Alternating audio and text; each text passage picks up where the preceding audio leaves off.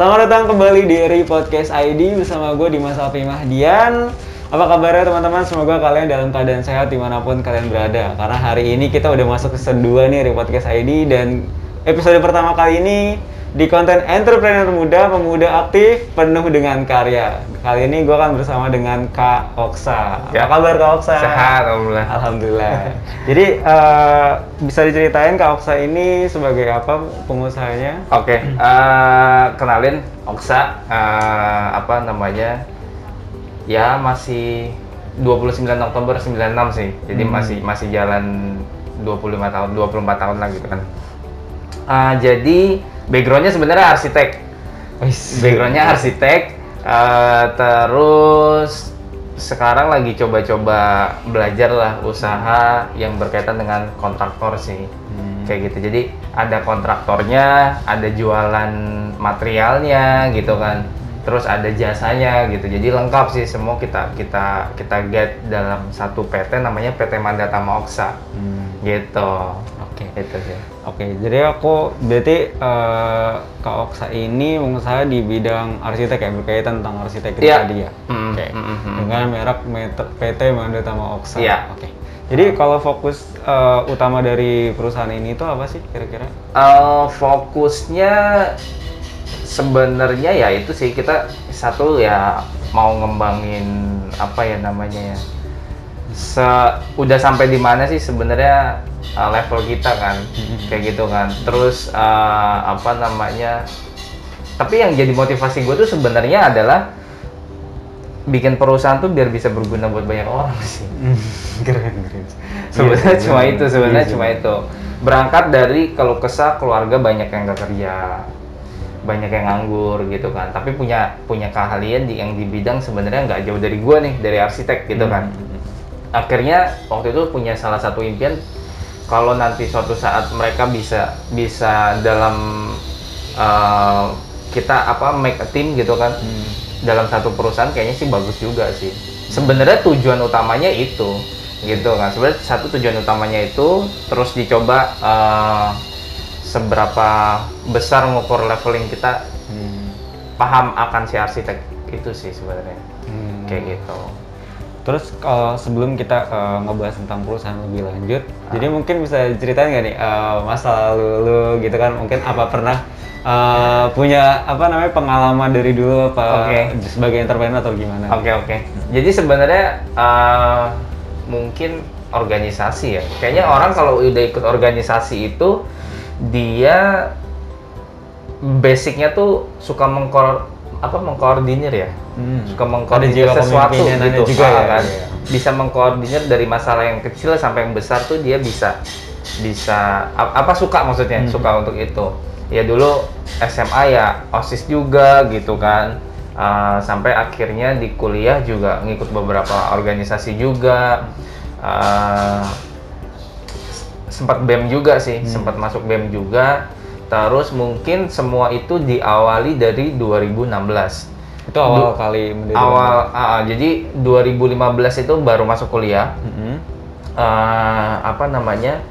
Ya eh, satu dua semester masih penyesuaian kan. Iya. Eh, karena backgroundnya dulu SMA-nya bukan arsitek, bukan pembangunan gitu Iya. kan. Anak IPA yang terjun ke arsitek itu udah udah udah Out line ya, out line Kan. banget ya, keluarga Iya, lu. makanya eh, ya udah akhirnya satu semester eh, satu dua semester pertama masih penyesuaian. Mhm. Semester 3 2016 itu udah mulai coba-coba tuh. Hmm. Coba-cobanya yang yang bagus maksudnya. ya.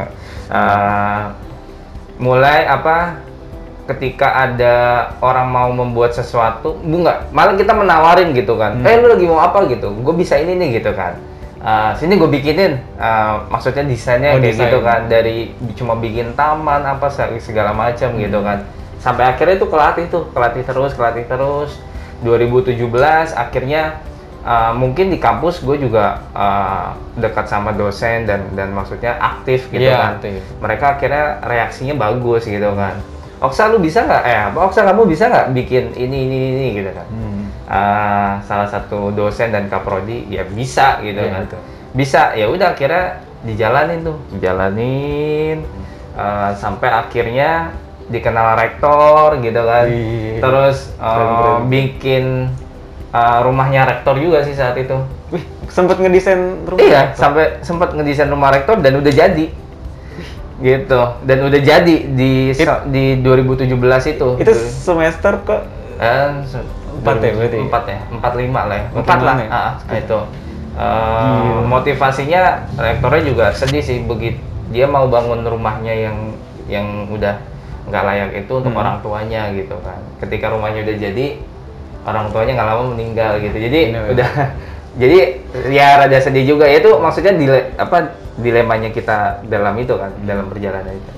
Udah sih akhirnya uh, beberapa spot di kampus itu gue yang desain ke kayak kantin gitu. kayak iya kayak kantin terus uh, pintu gerbang univ gue tuh Budi Luhur Hah? itu gue juga gitu kan terus uh, Gokil. kantor fakultas teknologi informasi ya apa informatika gitu Ah. FTI itu gue juga FEB uh, Eh, ekonomi eh, bisnis itu- maaf, itu maaf. juga uh, Itu lo ngelakuinnya sendiri atau? Ada sendiri gue.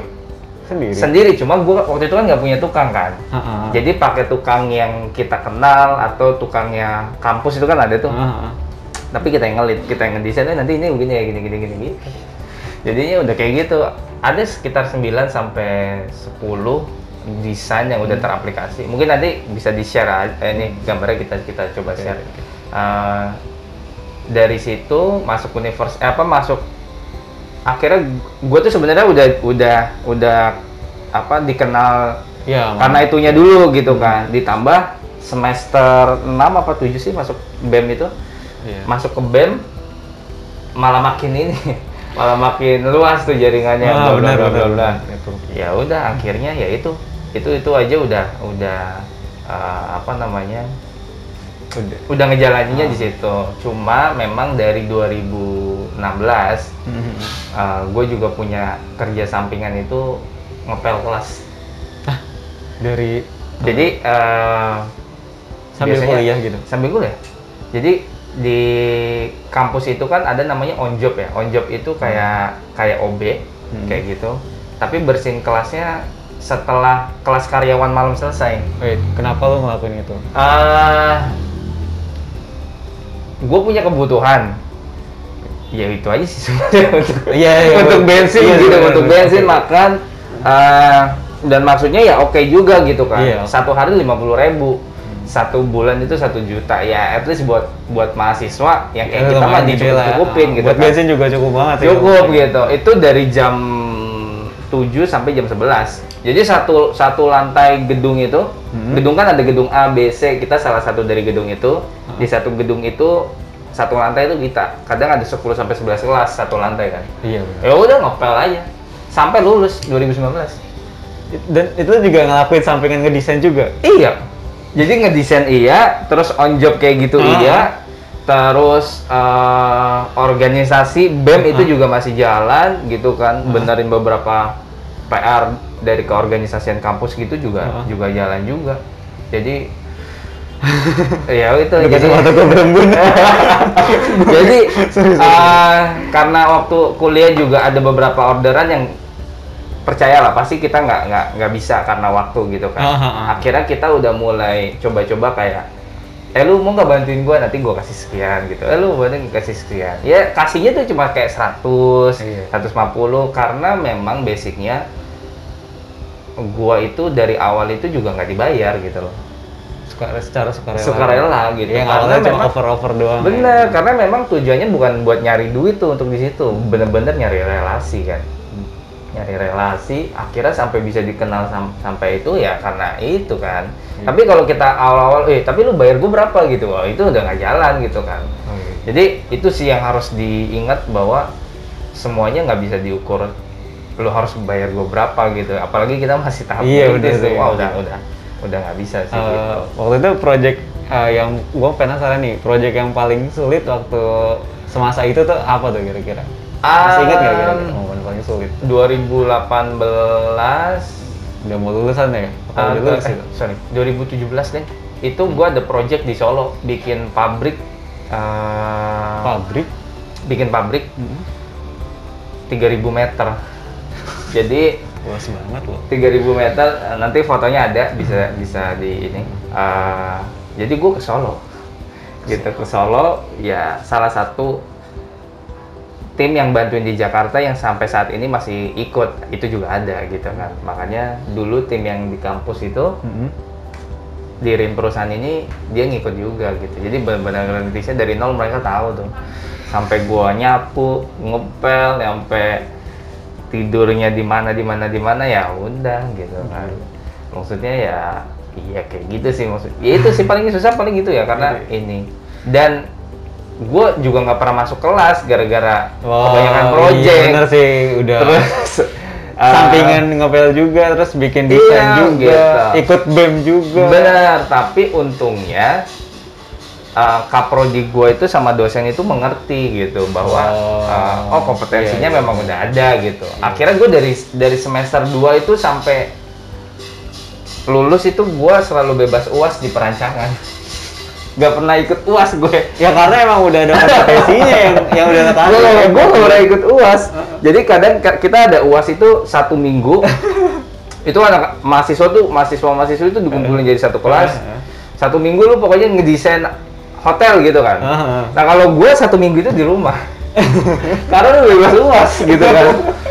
Ada ada ini juga sih iri-irian ya. Tapi Iya. gimana gue juga nggak bisa apa-apa. Itu kan eh, opsi dari ya Iya. seru sih. Di kuliah tuh seru banget. Makanya kalau kita eh, apa namanya pasif ya itu sayang banget sih.